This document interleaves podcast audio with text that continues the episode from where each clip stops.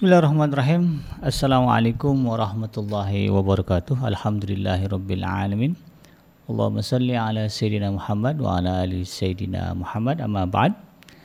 Alhamdulillah kembali berjumpa di udara di gelombang 1044 time iDream Radio Successful Muslim Family dalam program ngaji from home spesial kajian Ramadan di mana kita akan sama-sama menghadiri uh, uraian pemaparan berbagai hal yang berkaitan dengan uh, kemaslahatan hidup kita bersama baik dalam urusan agama maupun juga urusan lainnya dan seperti biasa kita akan menghadirkan ke ruang dengar Anda dan juga ke layar kaca Anda uh, narasumber yang akan memberi uh, membahas ya berbagai hal uh, di berbagai tema dalam program ngaji from home. Dan untuk hari ini kita akan uh, menghadirkan atau sama-sama mendengarkan uraian uh, tentang mewujudkan keluarga sehat dan narasumbernya adalah uh, Dr. Ya, Dr. Anda Dumilah Ayu Ningtyas MIRS. Alhamdulillah beliau sudah terhubung dengan kita dan akan uh, memberikan uraian terkait dengan materi pada hari ini. Kita akan langsung uh, menyapa narasumber kita. Assalamualaikum uh, Bu Tias. Waalaikumsalam warahmatullahi wabarakatuh. Alhamdulillah. Alhamdulillah. Sehat Bu? Alhamdulillah sehat. Saya mau manggil Ustazah nggak boleh tadi ya? Nggak boleh. Nggak apa-apa lah ya. Baik uh, Bu Tias, uh, jadi tema kita hari ini adalah mewujudkan keluarga sehat. Uh, ini penting ya karena memang kalau berbicara uh, agama kita, agama Islam, kita tidak hanya dituntut siap secara mental, Uh, artinya ibadah-ibadah kita itu juga banyak yang sifatnya memerlukan kekuatan fisik dari mulai sholat ya apalagi sekarang sholat rawih ya ada yang 11 ada yang 20 uh, ada yang cepat ada yang lama itu macam-macam kemudian juga uh, saum ya ini ujian ujian fisik perut kita ini kira-kira bagaimana nah tentu penting bagi kita untuk uh, betul-betul memastikan fisik kita ini sehat dan tentu tidak hanya uh, orang dewasa ya, anak-anak juga kita harus perhatikan. Intinya keluarga. Dalam keluarga itu ada ayah, ibu, ada anak. Dan ini yang akan kita coba bahas pada hari ini Bu Tias.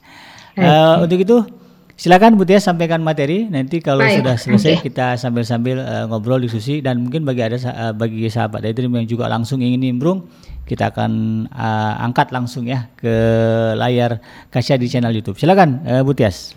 Baik, Bismillahirrahmanirrahim. Assalamualaikum warahmatullahi wabarakatuh. Waalaikumsalam. Alhamdulillah wa syukurillah ala nimatillah la haula wa la quwata illa billah wa salatu wassalam ala rasulillah.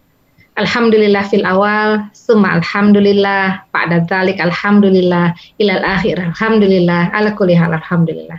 Rasanya memang tidak ada uh, ucapan yang paling tepat ya, lafaz yang paling tepat untuk disampaikan pada kesempatan kali ini kecuali tahmid kecuali memuji Allah, kecuali mensyukuri karunia Allah yang tidak akan pernah mampu kita menghinggakannya. Ya, sesuatu yang uh, uh, sebetulnya kita juga sering ya, uh, mengulang-ulang atau teringatkan ya, dalam uh, Al-Quran wa in ta'udu ni'matallah la tuhsuha dan jika engkau menghitung-hitung nikmat Allah kita tidak akan mampu menghinggakannya.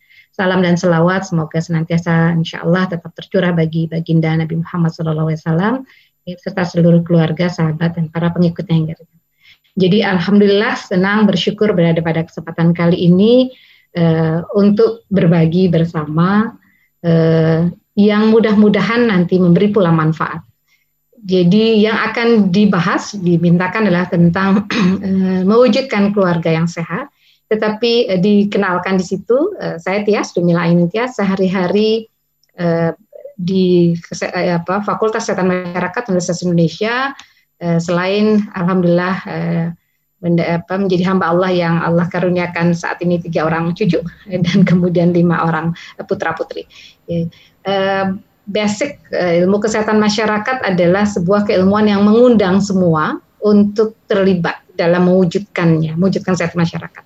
Karena yang saya akan sampaikan boleh jadi sesuatu yang sudah diketahui dan dekat dengan kita semua. Membincang sesuatu yang uh, rasanya secara umum kita sudah ketahui, tetapi boleh jadi tertepikan, boleh jadi kadang-kadang agak, agak terkemudiankan. Uh, fokusnya harapannya sesuatu yang uh, praktis dan ringan untuk kita kemudian bisa melihat relevansinya pada kehidupan kita sehari-hari.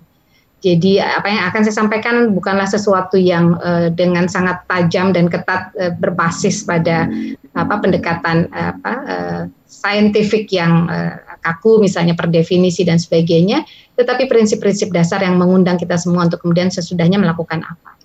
Ya, jadi uh, hal-hal seperti itu ya, sehingga saya misalnya saya dari Departemen AKK Administrasi dan Kebijakan Kesehatan uh, saat ini menjadi uh, ketua departemen, tetapi uh, uh, tidak membahas tentang bagaimana misalnya kebijakan untuk membuat uh, aspek promotif dan promotif ya, pencegahan itu jauh lebih uh, harusnya jauh lebih uh, diutamakan dalam alokasi penganggaran negara. Ini misalnya uh, misalnya saja dalam BPJS JKN seharusnya ada uh, pula apa alokasi untuk memungkinkan screening untuk medical check up bukan itu tetapi sekali lagi ada sesuatu yang mudah-mudahan menjadi lebih sesuai untuk disampaikan di bulan Ramadan ya, masa pandemi ini di sore hari. Saat kita di sela-sela mungkin sambil melakukan eh, kegiatan menyiapkan apa eh, eh, berbuka nanti. Sehingga eh, saya akan eh, share screen beberapa hal.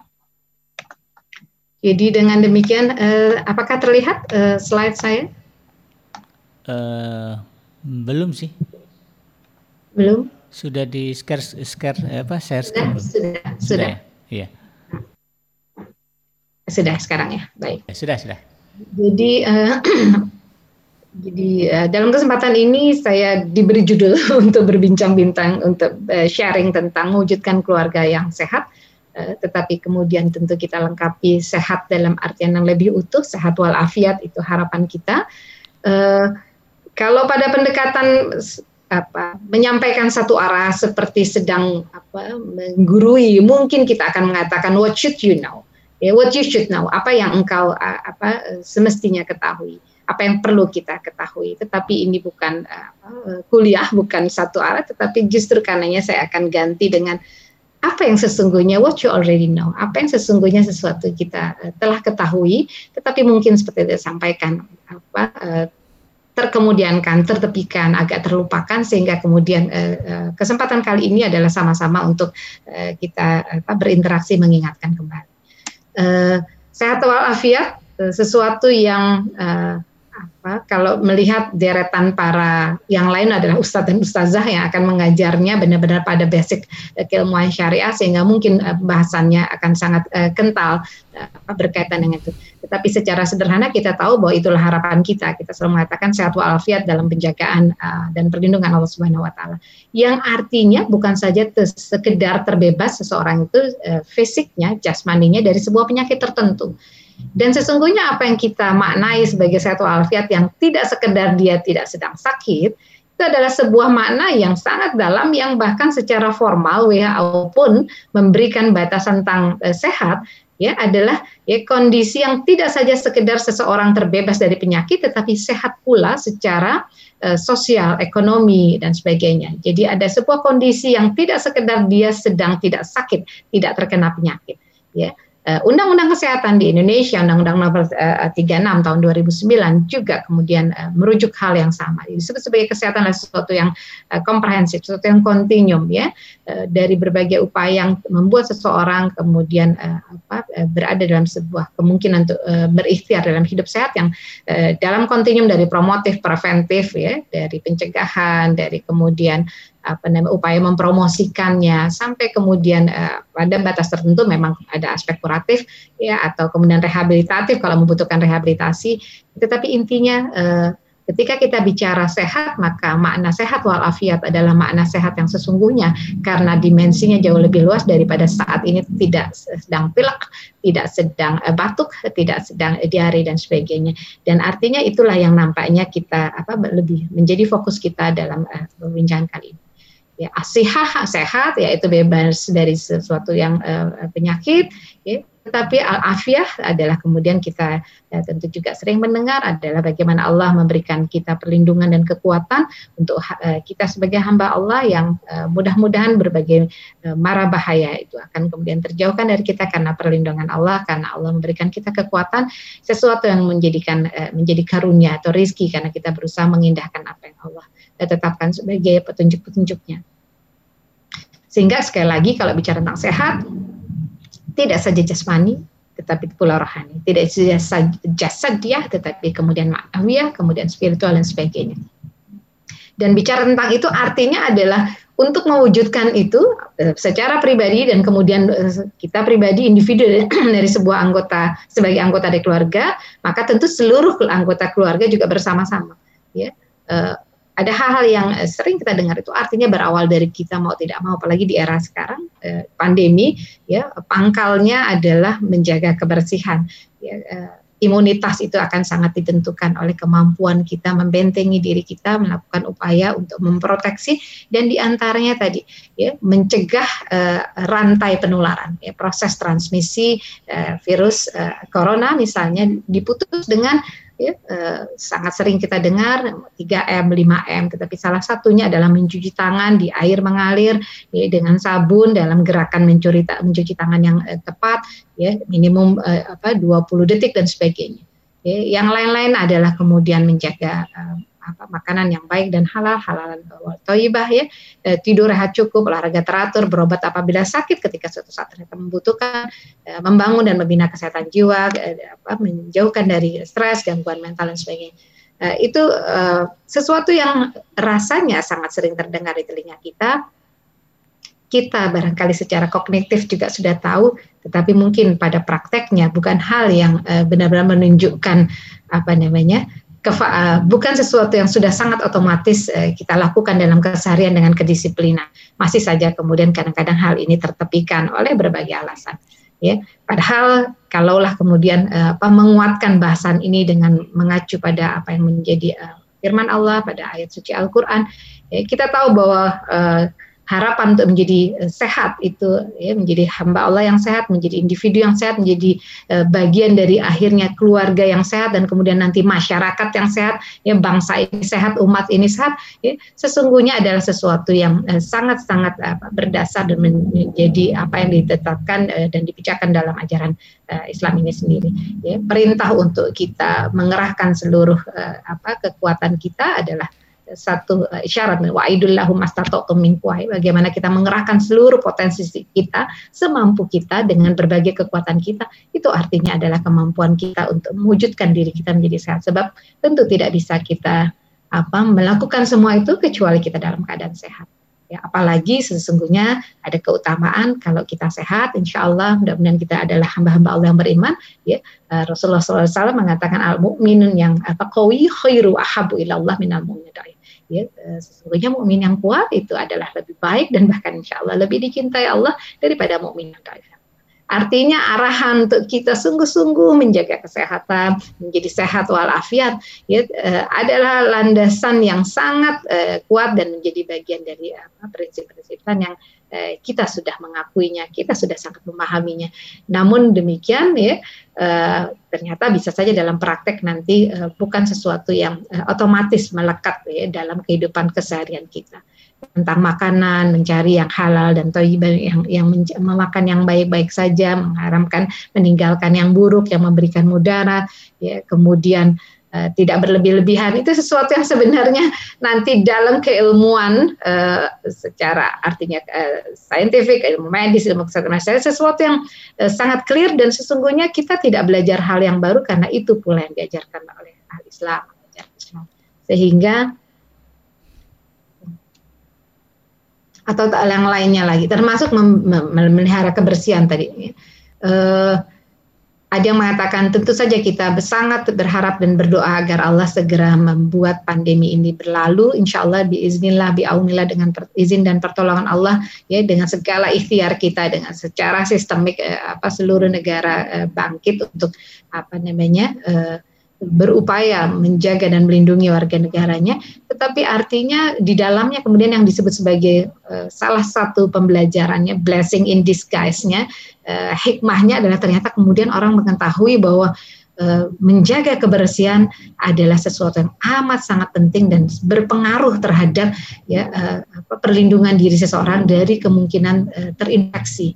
Ya. Artinya tadi mencuci tangan, kemudian apa segera ya, apa namanya memutus berbagai apa, potensi uh, rantai penularan itu adalah sesuatu yang sebetulnya uh, apa membuktikan kembali bahwa ajaran Islam an-nazafah minal iman dan sebagainya eh, kebersihan uh, terus menerus uh, menjaga wudhu mengalir air dengan sabun dan sebagainya itu adalah hal-hal yang sangat sekarang berkumur-kumur dengan berbagai itu ternyata sesuatu yang kita juga sangat dianjurkan sehingga Rasulullah SAW juga mengatakan kalau telah tidak memberatkan, aku akan perintahkan untuk membersihkan ya, apa bersiwak setiap kali melakukan uh, salat dan sebagainya. Istirahat yang yang cukup ya, uh, sering kali uh, sangat banyak kesibukan uh, apalagi uh, work from home ini ternyata membuat kadang-kadang kita double device katanya uh, ada dub, uh, dev katanya. Dub dev itu adalah double device uh, gadgetnya dua atau bahkan triple device karena uh, semua menjadi berturut-turut terus didatangi dan sebagainya. Padahal ternyata tubuh kita juga punya hak untuk diberikan kesempatan.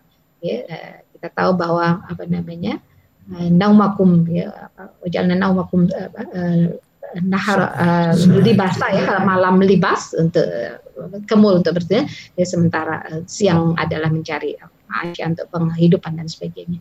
Ya hal-hal seperti itu sesungguhnya uh, sekali lagi saya tidak hendak menggarami laut yang sudah asin tapi rasanya kita sudah sama-sama ketahui. Sehingga saya mengatakan ya you already know kita semua sudah tahu daripada should ya you should know kita semua sudah mengetahui. Tetapi apa yang sudah kita ketahui itu sering terlupakan karena ya, dianggap pula bahwa yang salah satu yang sering uh, dilupakan adalah nikmah uh, oleh kebanyakan manusia ya, nikmah sehat dan waktu senggang. Dalam keadaan kita alhamdulillah insya Allah sehat uh, dan kemudian waktu kita cukup senggang sehingga kita bisa mendengarkan dan berbincang ini marilah kita kemudian uh, menyegarkan kembali apa yang sudah kita ketahui dengan melihat kemudian apa yang bisa kita kerjakan dalam keseharian kita. Apalagi kalau tadi saya sampaikan bahwa saya dari Fakultas Kesehatan Masyarakat ya ada teori Bloom namanya menjadi konsep dasar yang sangat penting menjadi uh, basic dalam proses pengembangan keilmuan kesehatan masyarakat yang mengatakan bahwa derajat kesehatan masyarakat sebuah keluarga bisa sehat, sebuah masyarakat bisa sehat, sebuah bangsa bisa sehat oleh berbagai faktor, berbagai determinan dan uh, ada memang uh, kesehatan seseorang ditentukan oleh genetis, soal keturunan itu adalah Eh, rizki ya sesuatu yang kita eh, terima. Eh, oleh kemudian health services kadang-kadang membutuhkan pelayanan kesehatan dan dia menjadi penentu sehat atau tidak kita. Tetapi justru yang amat sangat berperan besar yang jauh lebih menentukan yang jauh lebih dominan adalah justru perilaku behavior, keseharian kita melakukan apa-apa yang disebut sebagai perilaku hidup bersih dan sehat. Dan bagaimana membangun lingkungan. Tadi karena lingkungan tentang nazofa, tentang kebersihan dua hal ini akan jadi fokus karena tentang pelayanan kesehatan eh, kita tahu tidak semua kita mampu mengupayakan eh, kita akan apa namanya akan banyak dibantu oleh para tenaga kesehatan SDM kesehatan oleh dokter perawat farmasis dan sebagainya akan ditentukan oleh apa yang diberikan oleh uh, pelayanan di puskesmas, di rumah sakit, di klinik dan sebagainya. Genetis kita terima apa yang kemudian menjadi uh, sebuah potensi ketika ayah ibu kita, nenek kakek kita pernah punya kecenderungan penyakit tertentu, ada yang kemudian uh, potensi untuk apa polanya menjadi apa bahkan ada yang menjadi benar-benar menurun genetis ya itu adalah sudah bagian tetapi perilaku dan lingkungan ada ruang bagi kita untuk mengikhtiarkan. Ada ruang bagi kita untuk mengupayakan dan dalam fokus itulah kita akan membahas. Ya. Jadi artinya dengan demikian secara eksplisit kita sedang bicara untuk mewujudkan keluarga sehat dengan sesuatu yang kita bisa ikhtiarkan pada dua faktor tadi. Ya, dua hal tadi yaitu tentang perilaku dan kemudian perilaku ada kaitannya ada dengan membangun lingkungan ya sehingga sebetulnya ada sebuah uh, istilah yang juga sering sekali kita dengar PHBS, perilaku hidup bersih dan sehat. Sesuatu yang melekat. Begitu kita berperilaku dalam kehidupan kita dengan bersih maka akan sangat mendekatkan kepada kesehatan. Dan kesehatan itu akan memungkinkan kita pula menjaga lingkungan untuk tetap bersih karena kita membutuhkannya untuk tetap menjaga sehat. Inilah hal yang terus-menerus yang sesungguhnya uh, menjadi uh, apa tetap penting kita ulang kembali. Betapapun mungkin kita sudah sama-sama.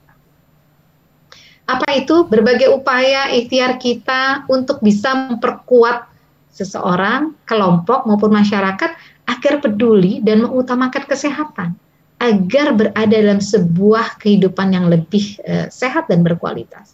Ya, healthy people in healthy community, seseorang yang sehat dalam sebuah masyarakat yang sehat, dalam sebuah lingkungan yang sehat.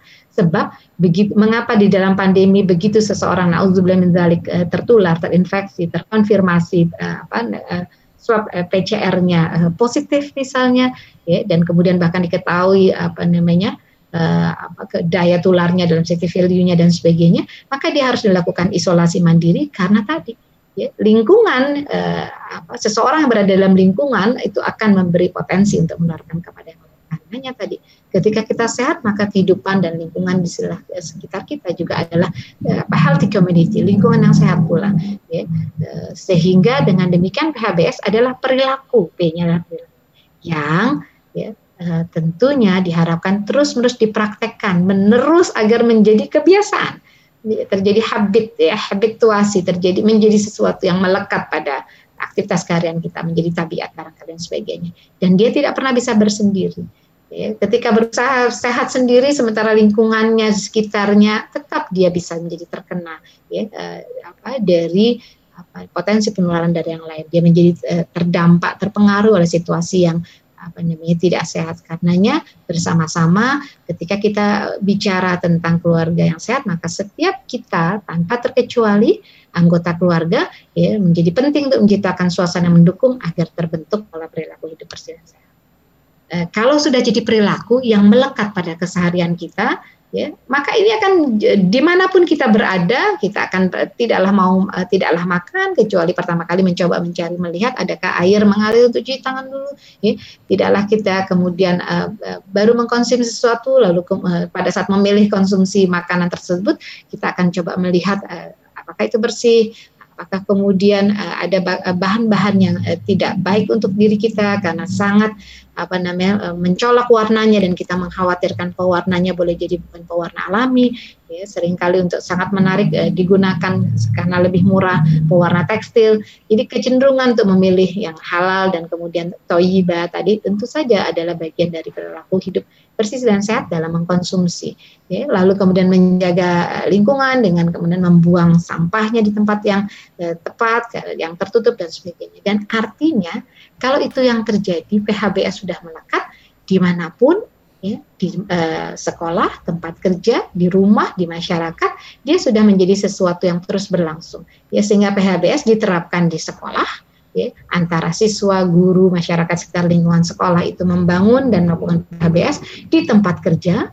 di dalam masa pandemi ini Nazulun Zali kan uh, makanya kemudian harus school uh, school uh, from home learn from home ya ada daring uh, apa namanya PJJ distant learning adalah supaya uh, tidak di situasi sekolah ada potensi untuk saling menularkan.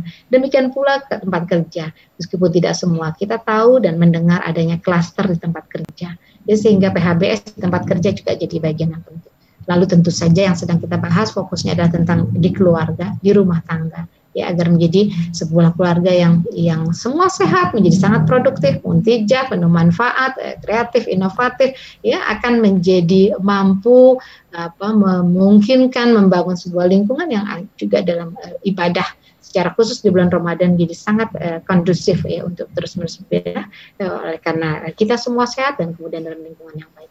Pula akhirnya di masyarakat sehingga uh, dalam kesempatan ini uh, kalau kita coba melanjutkan dalam rumah tangga apa saja uh, tadi ya rata-rata sudah tahulah uh, bagaimana kita semua menjaga tadi ya. Bagi seorang ibu saat hamil menjaga kehamilannya dengan baik ketika telah apa lahir bayinya menyusui ya eh, karena itu yang terbaik bahkan dengan cara menyusui yang eh, paling tepat eh, tidak menghilangkan kolostrum di saat pertama kan kadang-kadang ada mengatakan tuh nggak boleh asi basi dibuang misalnya ya.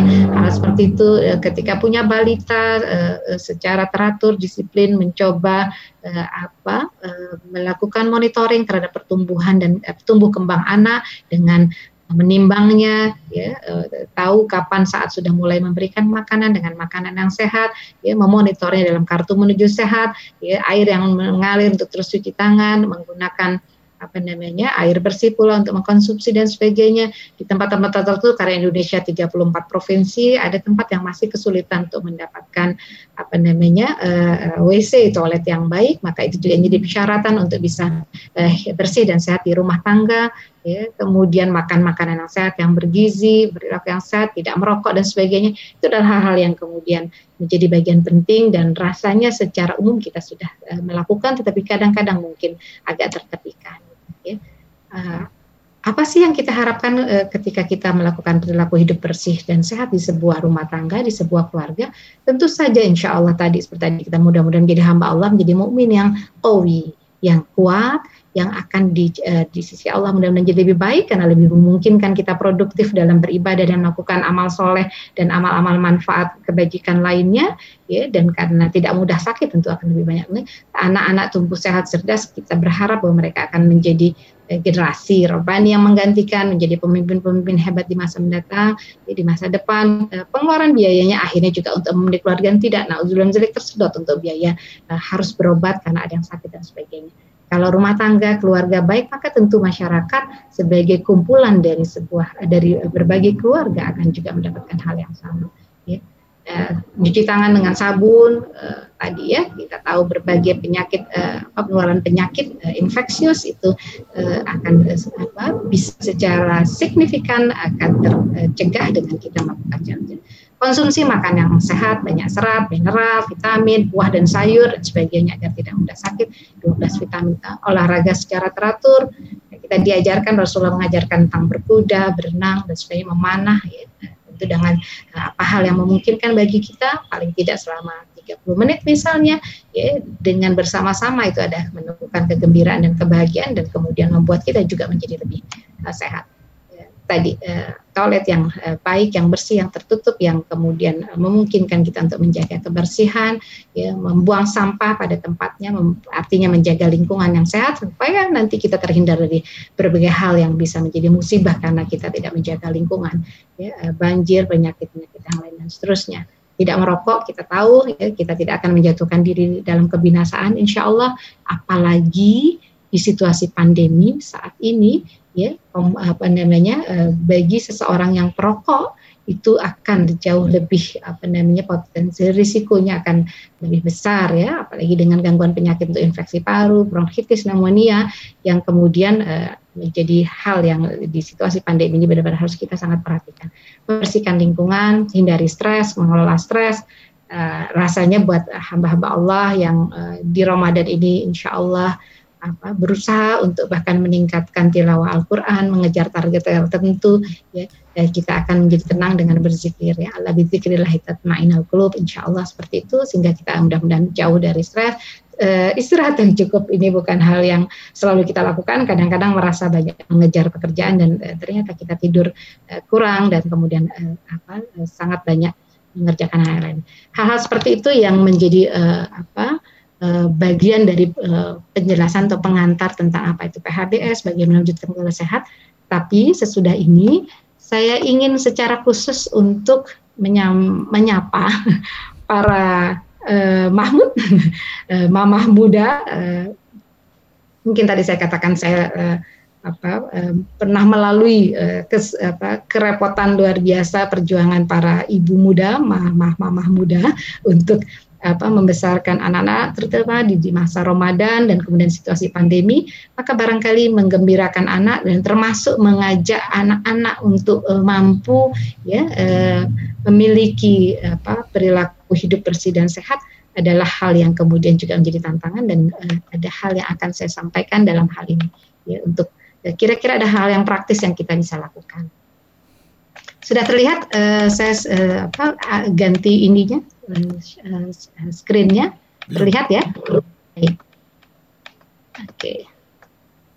Jadi uh, sederhananya untuk mengajarkan kepada anak-anak kita, para ibu muda misalnya, PHBS itu yang konkret yang bisa anak-anak kita mulai lakukan adalah cuci tangan dengan sabun, makan makanan yang sehat, olahraga bersama dengan teratur, membuang sampah. Ini mulai dididik, ini adalah mendidik anak untuk PHBS, ya, untuk kepada anak-anak kita ya mencuci tangan dengan sabun bisa diperagakan ya kemudian dengan sabun yang warna-warni yang mereka sukai ya gambar-gambar ini mudah-mudahan ada gambar yang apa namanya uh, merangsang anak untuk menstimulus anak ya untuk mau apa uh, mencuci tangan dengan mengatakan di tangan kita banyak tadi gambar-gambar virus corona ya dan kemudian kalau tidak mencuci tangan akan bisa muntah karena sakit akan kemudian tenggorokan sakit atau kan bahkan panas, demam dan sebagainya karena terinfeksi ya. Artinya eh, hal-hal uh, seperti ini bisa kita lakukan termasuk dengan melatih mengajarkan ya, bagian dari germas gerakan masyarakat hidup sehat ya enam langkah cara mencuci tangan yang baik dan benar ya, eh, pakai sabun, air mengalir dengan memastikan seluruh bagian tangan kita ini terkena air dan sabun ya agar tidak ada sehingga di lipatan-lipatannya mulai dari gosok eh, apa eh, kedua telapak tangannya lalu kemudian eh, punggung tangannya seperti ini gitu ya dengan sela-sela jari dan baliknya. Kemudian gosok kedua telapak tangan dan sela-selanya seperti ini ya sela-sela ini. Lalu bahkan kemudian jari-jari dalam sisinya di seperti ini ya dan kemudian termasuk ibu jari diputar ya semua seperti itu dan akhirnya di ujungnya di di palmnya ya. Kalau tadi di punggung sekarang di telapak untuk mengatakan eh, sambil dengan menyanyi misalnya eh, tentu anak-anak akan suka. Dan eh, sebenarnya nanti eh, apa Mahmud para ibu-ibu eh, misalnya akan bisa melihat eh, di beberapa YouTube itu ada ya bersih kedua tanganku dengan lagunya dan kemudian eh, dimanfaatkan sehingga itu juga bisa apa eh, mengundang ya bisa menyemangati anak-anak untuk belajar mencuci tangan dengan baik dengan benar. Yang pertama cuci tangan. Yang kedua tentang makanan. Ya, ada anak-anak yang nggak mau sama sekali uh, sayuran, tidak suka buah, ya tapi makanan-makanan yang apa namanya junk food itu yang lebih disukai barangkali kemudian ini juga menjadi bagian untuk membangun supaya nanti tumbuh besarnya dia itu sudah punya pola makan uh, yang baik kebiasaan makan yang baik ya Eh, antara lain misalnya kalau eh, cukup punya waktu misalnya dibuat menjadi menarik ya eh, dibentuk eh, di atas roti itu telurnya dengan eh, apa kemudian buahnya dibentuk seperti kucing atau kelinci ya, uh, ada seperti apa uh, permata eh seperti apa namanya seperti mahkota begitu ya dengan matanya atau sosis yang dibuat seperti ada telinganya dan sebagainya. Uh, telur barangkali ini bisa menarik ini misalnya mie ya tapi tidak cukup mie tapi ada telurnya lalu di, telurnya dibentuk seperti ini ada mata rotinya, kemudian tomatnya yang akan diharapkan dimakan menjadi seperti bagian jengger dan sebagainya. Ya. Mudah-mudahan ini akan membuat anak-anak kemudian melihat bahwa eh, makanan apa eh, makan telur itu menyenangkan karena lucu tampilannya ya makan buah itu atau sayuran itu ya, apa namanya menggembirakan karena mengingatkan pada binatang-binatang kesukaan mereka dan sebagainya sehingga menggambarkan makanan adalah ya mendekatkan mereka pada mencintai makanan yang sehat sehingga jadi sarangnya jadi love gitu ya pada makanan-makanan yang sehat pisang dan sebagainya.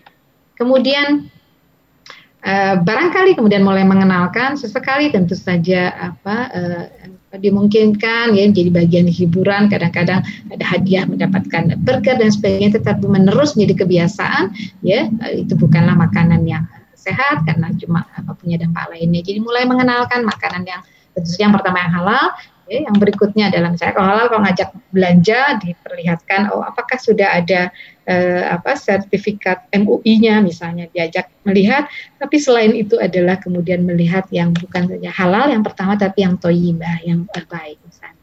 Itu tentang makanan.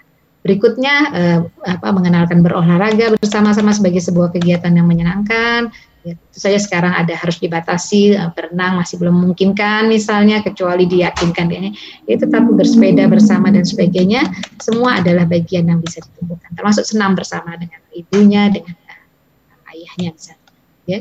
Kemudian uh, membuang sampah pada tempatnya ternyata juga harus dilatihkan di bagian dari PHBS untuk di masa mendatang ya. Dan berikutnya sambil menjelaskan apa akibatnya tadi ya kalau buang sampah uh, seterusnya ya termasuk mengajari untuk mengelap bersama dan seterusnya ya.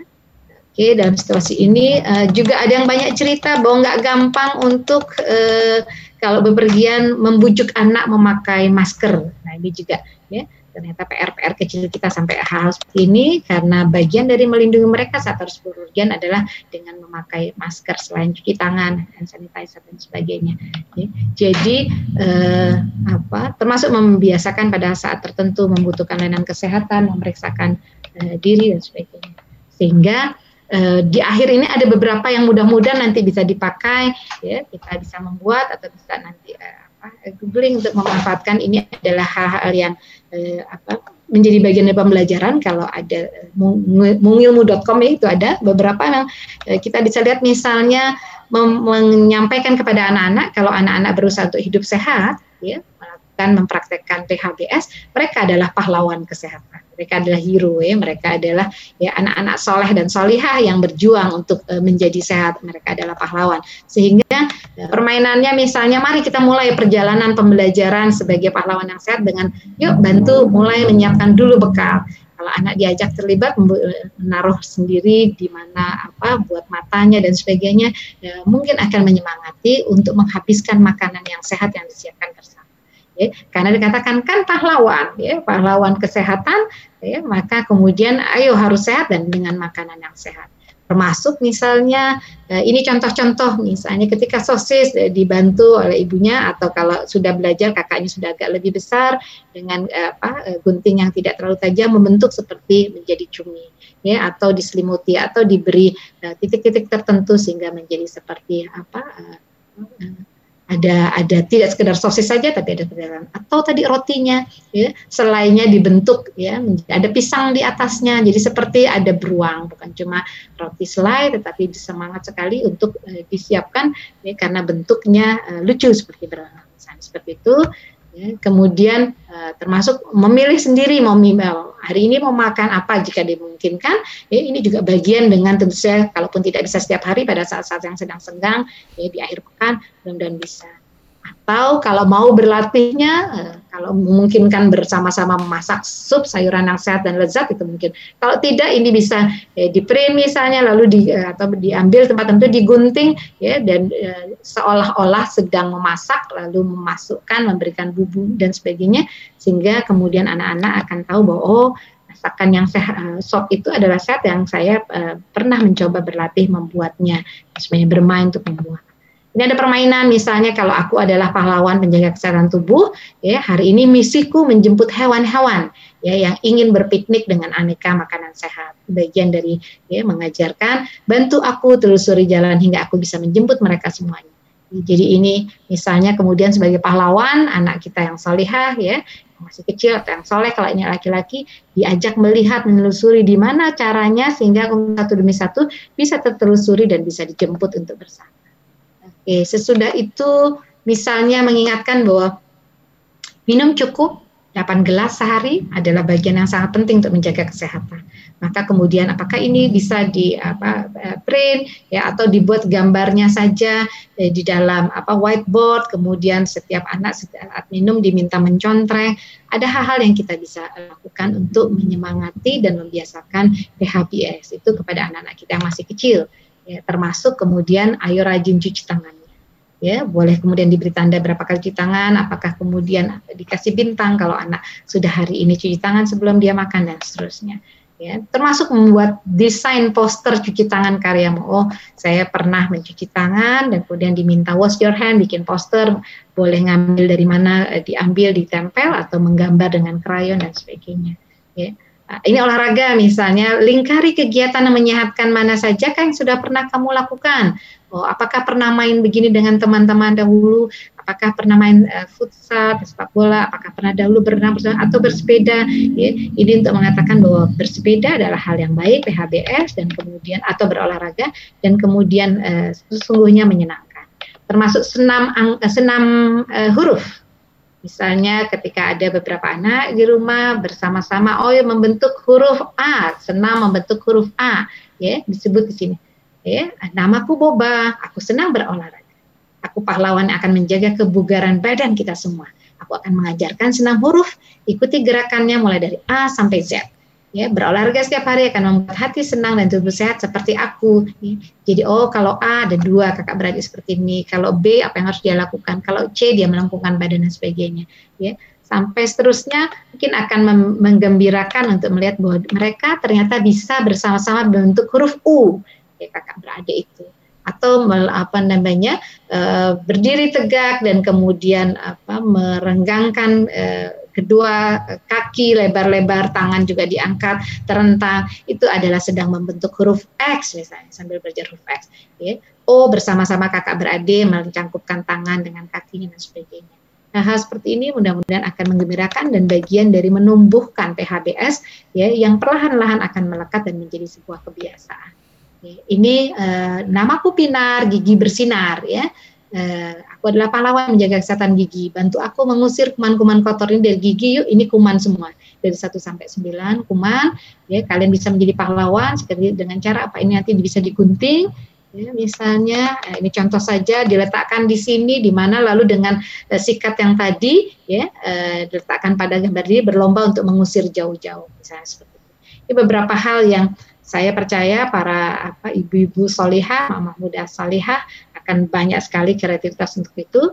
Tetapi ini untuk mengatakan apa yang ditanamkan sejak kecil akan melekat. Jadi ada orang yang memang susah sekali diajarkan PHBS karena sudah dewasa dari baru mengenal PHBS. Selalu kita pergi ke tempat-tempat uh, wisata destinasi sangat sedih melihat di tepi-tepi pantai banyak sekali botol-botol apa plastik botol plastik kemudian apa makanan-makanan keluar begitu saja dan tidak disim tidak dibuang di tempat yang seharusnya karena memang tidak terbiasa sejak kecil atau kalau memilih makanan ya tidak memperhatikan mana sehat dan sebagainya ini adalah sesuatu yang memang kita tidak ingin itu terjadi bagi keluarga kita dan uh, mendidik membimbing sejak kecil adalah salah satu cara yang kita harapkan akan sangat apa namanya efektif nanti dalam membangun perilaku hidup bersih dan sehat.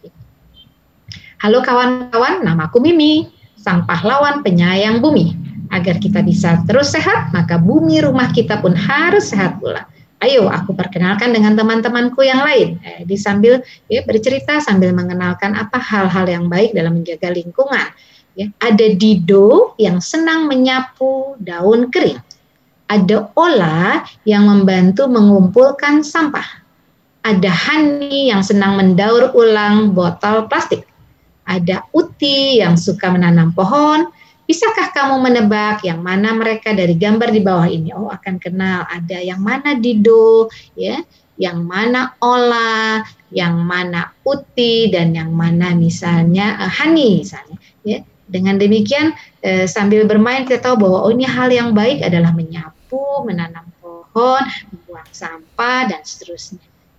Ini bagian dari membuat kita menjadi uh, sehat berada dalam lingkungan yang sehat. Karena semua anak harus sehat, termasuk misalnya berlatih untuk menjadi dokter kecil, dokter cilik siapkan tas doktermu. Boleh do, tas yang tidak terpakai diberi apa namanya stiker dengan tanda apa seperti ini atau bulan sabit misalnya buat uh, kotak uh, P3 kamu sendiri atau uh, dari kardus bisa dibantu oleh para uh, ibu untuk membantu buatkan atau kakaknya.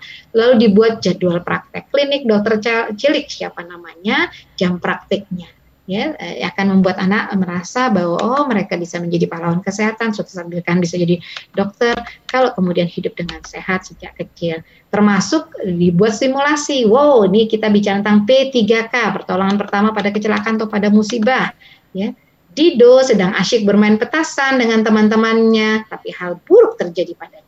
Saat Dido mau menyalakan ya betasannya ya terkena percikan api yang menyebabkan luka bakar. Apa yang harus Dido lakukan?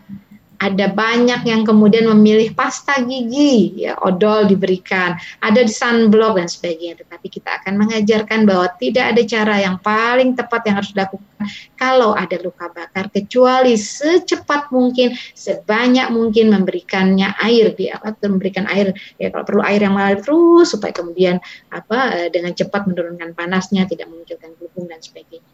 Ini bagian dari mengajarkan. Kemudian eh, matikan sumber api atau hindari sumber panasnya. Yang pertama tadi ini dinginkan bakso dengan air mengalir. Ini cara yang paling eh, apa eh, tepat.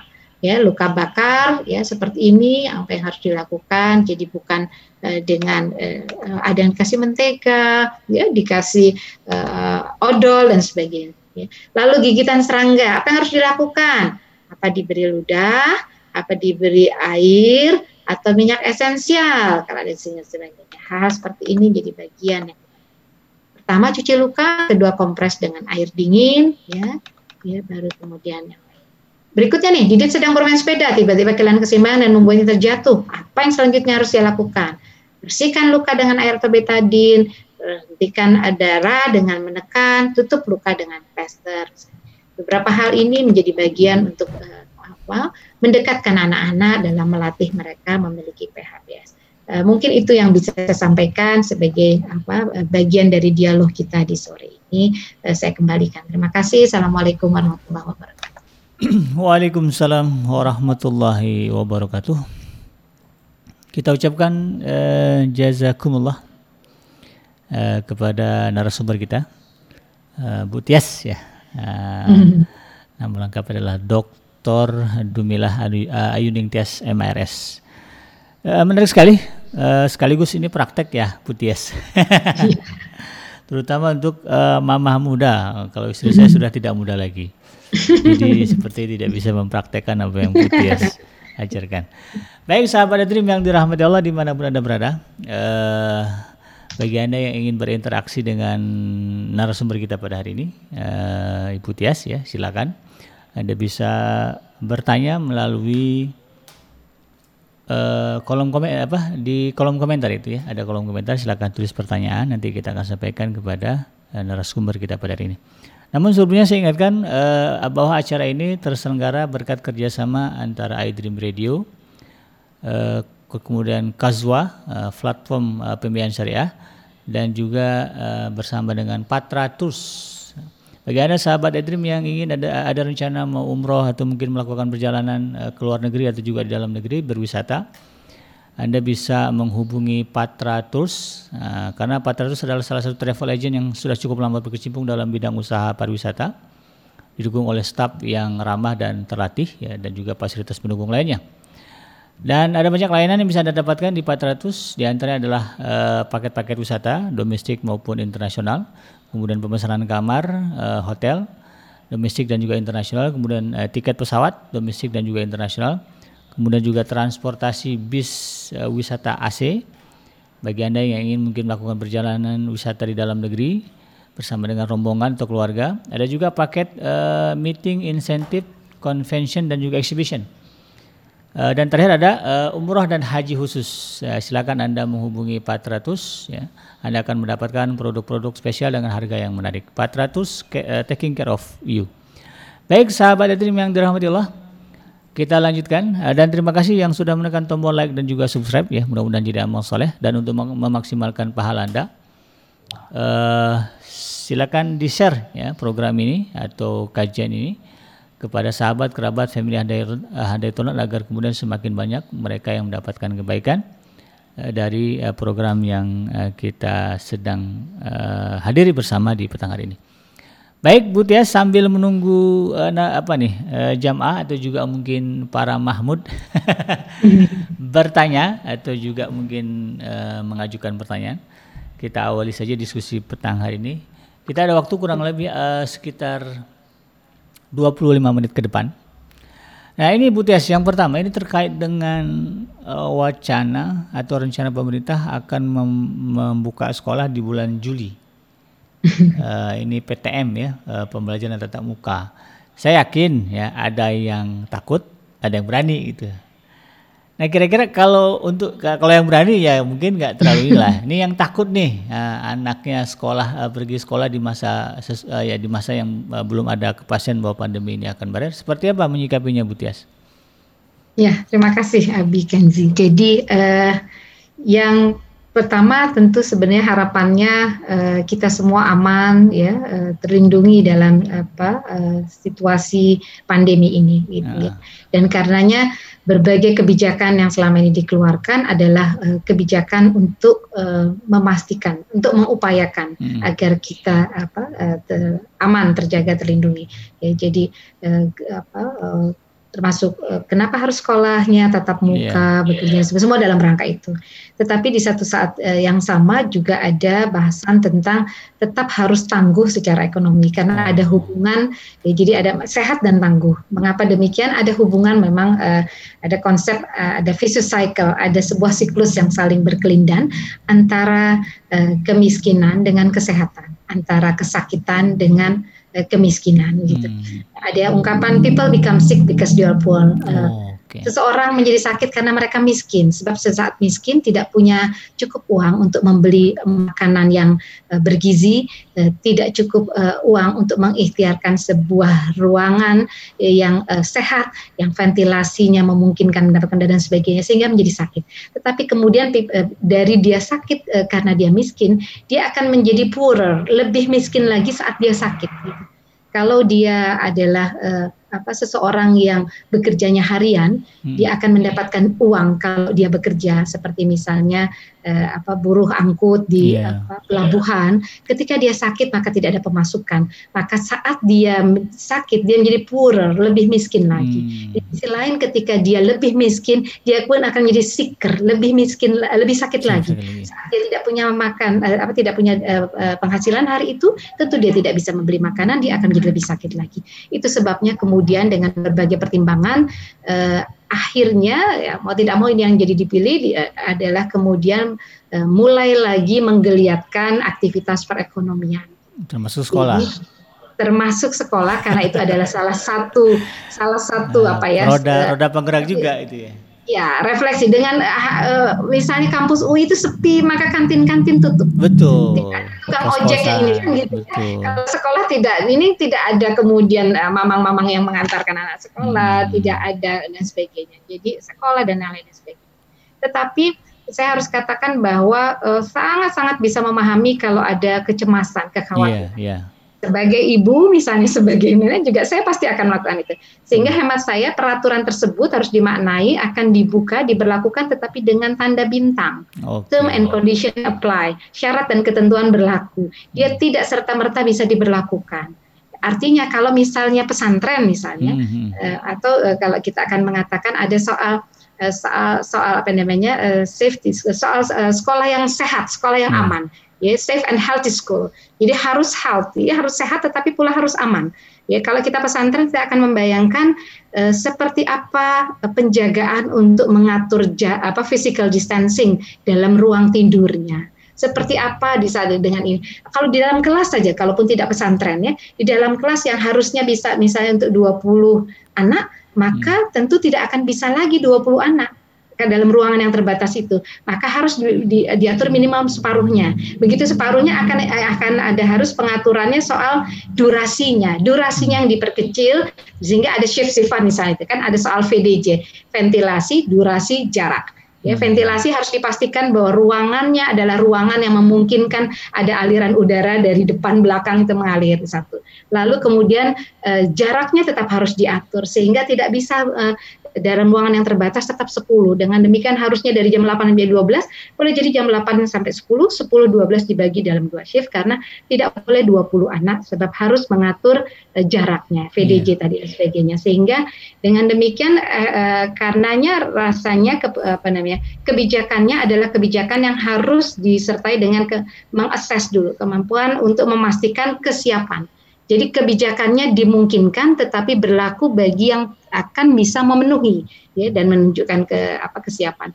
Itu sebabnya saya kira ada tempat-tempat sekolah tertentu yang masih dimungkinkan memilih sampai nanti eh, Desember. UI saja masih me, apa namanya e, masih memilih sampai akhir tahun, tetap masih dengan daring misalnya untuk mengatakan karena ada hal-hal yang harus sangat dipertimbangkan.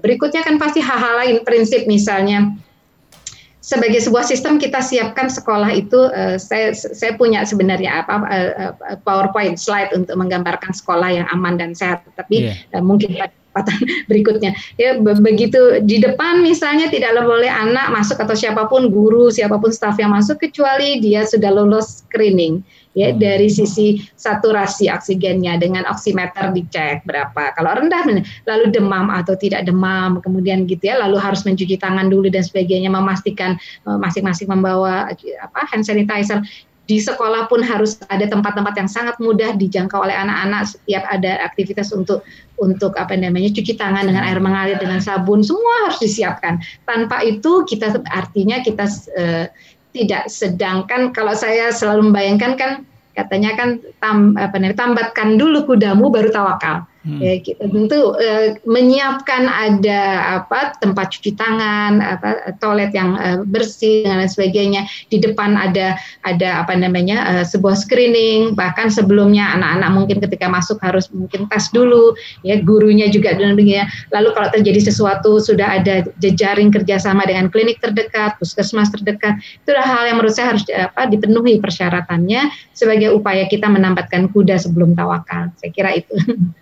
Apakah ini berarti bahwa uh, kita sebagai orang tua juga punya hak untuk tahu dong ya ke uh, termasuk ini maksudnya ke pihak sekolah begitu. Apakah memang segalanya sudah dipersiapkan atau belum? Itu gimana Bu? Atau terima jadi aja. Kalau yang lalu setahu saya ya uh, setahu saya memang ada pilihan uh, orang tua kemudian uh, inform consent ya yeah. menandatangani bahwa dia bersedia atau tidak.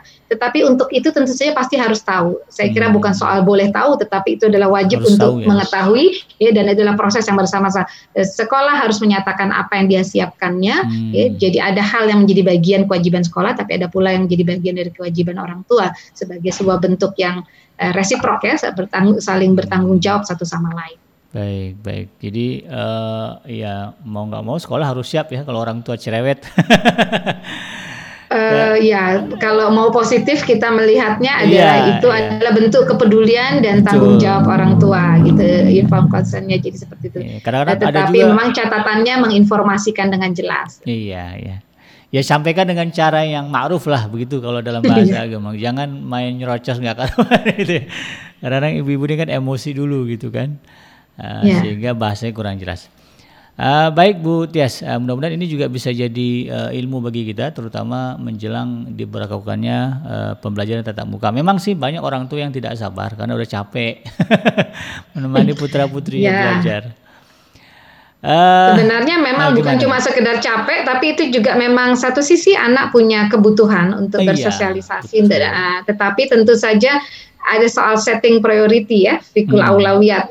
Prioritasnya mana yang lebih mendesak eh, penjagaan akan keamanan, kesehatan dan keselamatan dengan eh, kebutuhan misalnya untuk sosialisasi sehingga tadi eh, agar tidak ada yang kemudian benar-benar mengambil risiko besar menurut saya kata kuncinya adalah tadi pemenuhan tanda bintang untuk upaya yeah. penyiapan dan kesiapan. Preparedness and readiness. Jadi penyiapan dan kemudian kesiapan. Hmm. Jadi ini butuh kerja sama semua pihak bu ya? Iya. Kan sebenarnya kan kita menitipkan ke anak ke sekolah, menitipkan pada waktu tertentu dalam durasi tertentu, tapi hmm. tanggung jawab utama kan tentu tetap saja tanggung jawab orang tua. Iya. Ya, sehingga memang eh, tidak pernah ada sebuah sekolah yang akan bisa sukses melakukan proses KBM kegiatan belajar mengajarnya, proses belajar mengajarnya, kecuali menyertakan eh, orang tua sebagai bagian dari sistem eh, pembelajaran. Baik, baik. Uh, kemudian Ibu masih ada waktu, masih lama. Masih ada 15 menit lagi, Bu. ini ini tadi uh, dijelaskan Ibu jelaskan banyak ya terkait dengan bagaimana uh, terutama untuk ibu-ibu muda ya menghadapi putra-putri mereka di dalam mewujudkan keluarga sehat. Ini ada satu masalah klasik uh, dan menjadi tantangan bagaimana untuk mengarahkan anak-anak kita supaya bisa uh, aware dengan yang tadi Ibu sebutkan. Masalah gadget, Bu.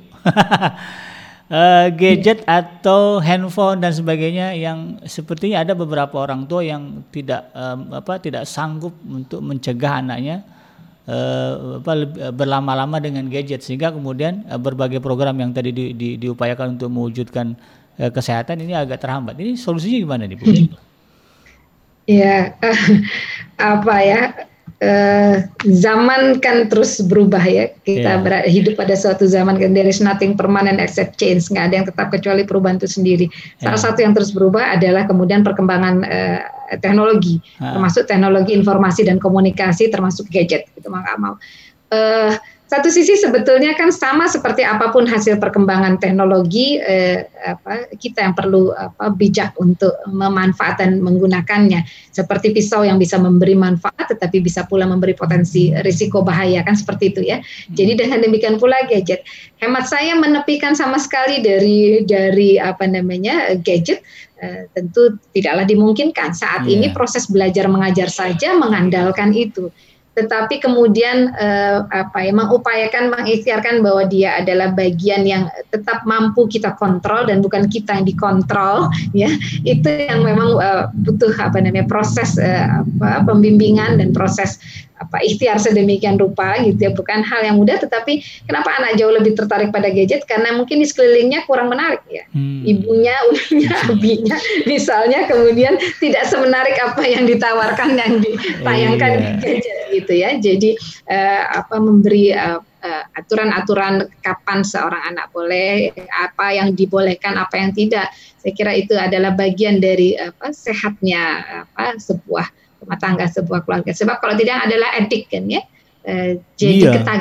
Nah, kalau edik itu yang sudah kan e, kita tahu kaidahnya sesuatu yang berlebihan pasti tidak boleh, pasti hmm. tidak baik. Gitu. Jadi mengatur pada porsi yang sesuai dengan tujuan dari pemanfaatan dan tidak kemudian sangat berlebihan. E, saya kira itu poinnya, bukan berarti menepikan dan tidak membolehkan, e, tapi e, tadi mengatur agar memang e, dia menjadi bagian yang masih tetap terkontrol. Hmm. Kalau caranya adalah harus lebih atraktif. Iya. harus jadi uh, ibunya ikut nyanyi misalnya ikut kemudian sama dan sebagainya atau kalau saya ada kadang-kadang ada situasi yang kemudian boleh dinikmatinya bersama Iya. Satu memastikan kita mengontrol apa kontennya, di sisi lain tidak menghilangkan bondingnya, tidak membuat dia menjadi terasing, hmm. hanya apa e, hanya terikat dengan apa yang sedang lihat, karena dia tahu sedang berada bersama kakaknya, bersama ibunya, bersama ayahnya, dan mengomentari, menikmati sebuah acara yang bisa dinikmati bersama-sama. Jadi membersamai, saya kira itu salah satu bagian dari upaya mengontrol. Iya dilepas tidak mungkin bu ya gadget itu karena sekarang memang perlu kan. Kalau dilepas oh dilepas sama sekali nggak dipakai rasanya tidak bisa. Iya. Bahkan kalau uh, anak sekolah kita hendak mengontrol di mana dia apa mengontrol dia dalam keadaan baik-baik atau tidak kan pasti membutuhkan itu. Iya. Nah, itulah ya tantangan kita hari ini. Yang jelas, yang jelas itu kuncinya kata Bu Tias. Abi dan Uminya harus menarik. Uh, saya sampai beli catur, beli karambol gitu kan supaya anak-anak yes. ini kemudian uh, jauh dari gadget. Baik, uh, mudah-mudahan ini juga jadi ilmu bagi kita semuanya. Kemudian ini Bu Tias, tadi kan uh, ada penjelasan terkait dengan sebetulnya kalau berbicara kesehatan kan tidak jauh dari kebersihan, yeah. makanan, kemudian uh, olahraga dan stres. Nah ini uh, tadi yang penjelasan kebersihan, makanan, olahraga uh, cukup clear. Nah, ini yang satu nih Bu, yang stres ini nih ini sebetulnya mengatur pola atau mengatur atau menjaga tahap atau tingkat stres dalam keluarga itu seperti apa sih Bu? Karena kan ayah tuh punya masalah di pekerjaan, ibu punya masalah dengan pertemanan, kemudian anak-anak menjadi bagian dari uh, stres yang di, yang dirasakan oleh ayah, ayah dan ibu mereka. Ini gimana Bu? Menanganinya? Hemat saya memang itu bagian dari perjuangan dan tidak ada satu formula yang fit for all ya, oh. yang bisa berlaku untuk semua. Tetapi barangkali uh, itu bagian dari uh, kita berusaha untuk mengenali dan mencoba merespon situasi masing-masing. Sebab di beberapa tempat dalam sebuah organisasi, dalam perusahaan, kelembagaan, bahkan stres uh, dikelola untuk memunculkan apa effort yang lebih jadi ada konflik manajemen, stress manajemen yang dikelola. Kalau sangat-sangat sepi, nggak ada stres sama sekali, di tempat tertentu diberikan apa namanya sebuah tantangan untuk memunculkan stres supaya kemudian uh, justru ada adrenalin yang muncul, ya, hmm. ada semangat yang muncul sehingga memberikan effort terbaiknya. Ya, kalau adem ayam sama sekali nggak ada suasana kompetisi, nggak ada mungkin kemudian tidak tidak tergugah untuk memberikan effort yang terbaik. Tetapi uh, apa bagaimana mengelola stres saya kira kemudian uh, apa sebenarnya aturan-aturan dalam Islam ajaran-ajaran Islam ya tentu kita tahu bahwa tidak berlebihan kemudian rasa syukur itu kan bagian dari bagian dari membuat kita selalu mencoba memandang dari hal positif biasanya agak mereduksi mereduksi apa namanya tingkat stres ya karena tidak me, tidak hanya melulu mengingat aduh belum dapat itu gitu ya. Ada ada disebut sebagai setengah gelas penuh setengah gelas kosong. Kita tidak mengatakan hasil 50 mili lagi yang belum kita miliki tetapi kita mengatakan alhamdulillah sudah 50 mili. Itu kan tentang our lenses to observe ya tentang uh, mata kita dalam memandang. Kalau kita memandangnya penuh kesyukuran ya akan barangkali akan lebih memberi lapang. Atau yang lain-lain tentu dengan doa. Yang lain-lain tentang dialog bermusyawarah sebenarnya semua ajarannya sudah ada. Menanggungnya bersama-sama tidak bersendiri. Menceritakan berbagi kadang-kadang itu melegakan gitu atau ada yang praktis katanya selain itu adalah mari tersenyum gitu. Ya uh, 20 kali 20 detik. Ya apalagi memang tambah semuka fi waji akhi kasadaqah kan sudah. Ya atau kemudian berjalan-jalan lagi berolahraga itu endorfinnya kemudian membuat kita senang rilis gitu gitu. Gitu berjalan ya. Sekarang ini musim apa namanya mengurus tanaman itu bagian dari mengolah stres ya kan? Yang salah satu apa, usaha yang justru melesat eh, apa maju eh, di situasi pandemi saat banyak yang lain terpuruk adalah kemudian eh, tanaman yang jual tanaman. karena banyak di rumah. Itu salah satu. Tapi juga jangan ngurus tanaman jadi malah stres karena bersaing mahal-mahalan tanamannya. Yang lain udah punya dan sebagainya kan begitu. Iya. Mensyukuri saja. Karena ternyata setiap melihat oh hari ini sudah berkuntum, besok sudah mulai mekar, oh ada yang dan ada tahun-tahun baru. Itu saja sudah sebuah kesyukuran apalagi kalau dia diajak dialog kata tanamannya dibacakan salawat, diikut ngaji di sekitar tanaman katanya akan lebih subur dan sebagainya. Saya kira itu. Hmm, baik baik. Jadi pandai-pandailah uh, bagi ayah, ayah bunda terutama untuk mengelola stres ya uh, saya yakinlah kalau kita uh, paham dengan ajaran agama kita, uh, insya Allah ini stres ini bukan sesuatu yang tidak bisa dikelola. Meskipun saya bicara gini bukan berarti saya nggak pernah stres. ya. Kalau banyak deadline, ada berbagai hal studi dalam seharian yeah. panjang. Tapi kan intinya memang itu secara dinamis kita berupaya. Yeah. berhasil atau tidak itu sisi lainnya. Betul, betul. Yang penting uh, ikhtiar dulu lah, uh, yeah. Bu ya. Yeah. Kalau nggak ada ikhtiar gimana kita mau mendapatkan hasil begitu. Baik. nah ini ini juga masalah yang uh, satu lagi Bu, Bu ini masalah yeah. yang biasa terjadi. Uh, tadi kan sebetulnya dari dari uh, materi yang Ibu sampaikan, terutama yang bagian akhir ya untuk mama-mama muda itu kan banyak uh, objeknya adalah anak-anak kita yang masih uh, kecil. Tapi kan dalam keluarga juga ada anak yang beranjak remaja kadang-kadang mereka sudah tidak bisa lagi kita ajarkan dengan pola uh, anak kecil begitu bu ya. Yeah, yeah. Tapi kadang-kadang di satu sisi kesadaran mereka untuk hidup bersih, makan sehat, kemudian olahraga itu masih susah ya. Uh, masih banyak magernya, malas geraknya. Ini ngatasin kayak gimana nih bu?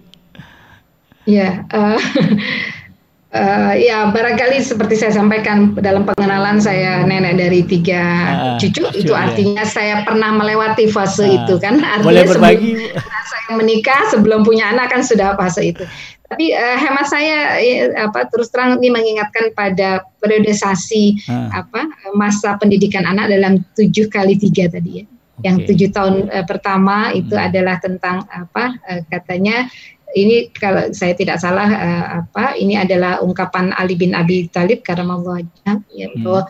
tujuh tahun pertama 0 sampai 7 lah ibu bermainlah dengan mereka hmm. Tapi tujuh tahun kedua, tujuh sampai kemudian eh, empat belas itu adibu mengadap ya, mendidik ya.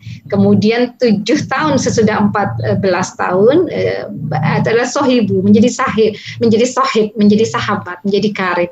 Hemat saya itu uh, sesuatu yang saya bukan psikolog, saya tidak punya background uh, psikologi, tetapi menurut saya secara universal hal ini sangat fit ya pada situasi pendampingan proses pendidikan anak karena eh, dalam tujuh tahun dari 0 sampai tujuh tahun cara yang paling membuat kita bisa membersamai adalah bermain tadi mengatakan hmm. learning apa apa dengan eh, eh, bukan by doing saja tapi by playing bermain bersama. Tadi saya mengatakan hanya dengan kita ikut bersama kita juga cukup atraktif kita membangun bonding hal, -hal tertentu. Tapi begitu pada tujuh tahun mengapa kemudian usia itu sudah mulai di, uh, diajarkan uh, sholat? Itu kan mendandai untuk bisa proses adab proses mengadip proses mendidiknya.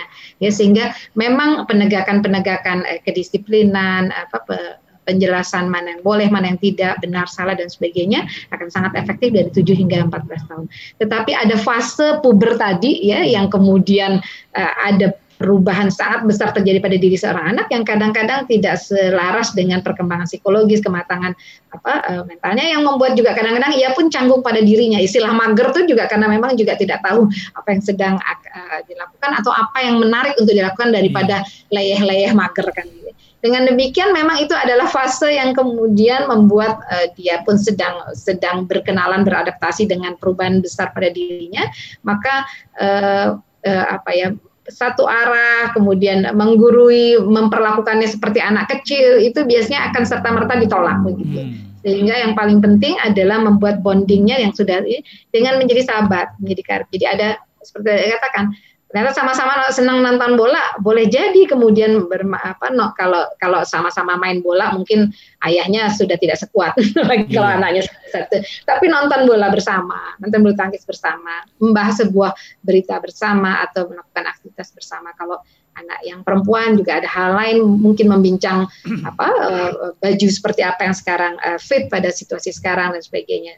Dengan dengan tidak lagi apa nadanya seperti nada sedang selalu instruktif nada itu saya kira kemudian nada nada seperti sahabat karib eh, rasanya itu akan lebih tepat karena yang paling berpengaruh pada usia puber adalah peernya mereka kan hmm. peer groupnya jadi uh, peer group itu mereka saling sangat-sangat mempengaruhi, mewarnai karena merasa uh, setara. Sehingga mau tidak mau dengan demikian hemat saya adalah membersamai dalam uh, suasana apa kejiwaan yang tidak se semangatnya seperti kamu anak kecil yang harus nurut, memberi ruang untuk dialog, berdiskusi, memusyawarahkan, rasanya akan lebih tepat. Hmm. Baik, baik, baik. Iya. Baik Bu Tias, sepertinya uh, waktu kita sudah uh, di ujung sekali. Namun sebelum ditutup, uh, mohon kalau ada pesan ujangan ya terkait dengan tema pada hari ini, silakan disampaikan. Sebagai closing bilang ujangan, saya rasanya nggak punya ujangan. closing statement Tapi intinya adalah uh, senang bisa apa sharing pada kesempatan kali ini uh, sesuatu yang mungkin juga mengatakan itu semua tadi we already know kita semua sudah tahu tetapi tetap saja uh, kita membutuhkan apa uh, saling mengingatkan kembali mendeves lagi dan uh, semangatnya adalah semangat yang paling penting adalah apa yang kita ketahui menjadi sesuatu yang uh, kita lakukan sebagai bagian dari keseharian kita. Tetapi uh, intinya mudah-mudahan yang yang barusan kita diskusikan kita bahas bersama adalah sesuatu yang akan membersamai perjalanan kita uh, untuk menuju satu tempat yang kita insya Allah cita-citakan bersama ya, keluarga ini mencapai uh, sehat walafiat di dunia ini sehingga punya kesempatan untuk menjadi hamba Allah yang saleh dan solehah bermanfaat hmm. ya menjadi abid abidah sehingga insya Allah pada masanya kita terap uh, tetap uh, sehat pula dan kemudian uh, akhirnya ada satu titik kita juga bersama uh, nanti mudah-mudahan mendapatkan ridha Allah di surga mohon maaf kalau ada hal yang tidak tepat dalam bahasan ini ya. Dan juga kalau kita bicaranya mulai dari macam-macam tetapi karena memang sehat walafiat bukan cuma pada hal yang berkaitan dengan terbebasnya diri kita dari penyakit tetapi tadi kita bicara tentang lingkungan pendidikan karena itu kesehatan mental kesehatan dalam pengelolaan uh, stres dan sebagainya ya, sebagai ibu muda sebagai uh, ibu dengan anak-anak yang sudah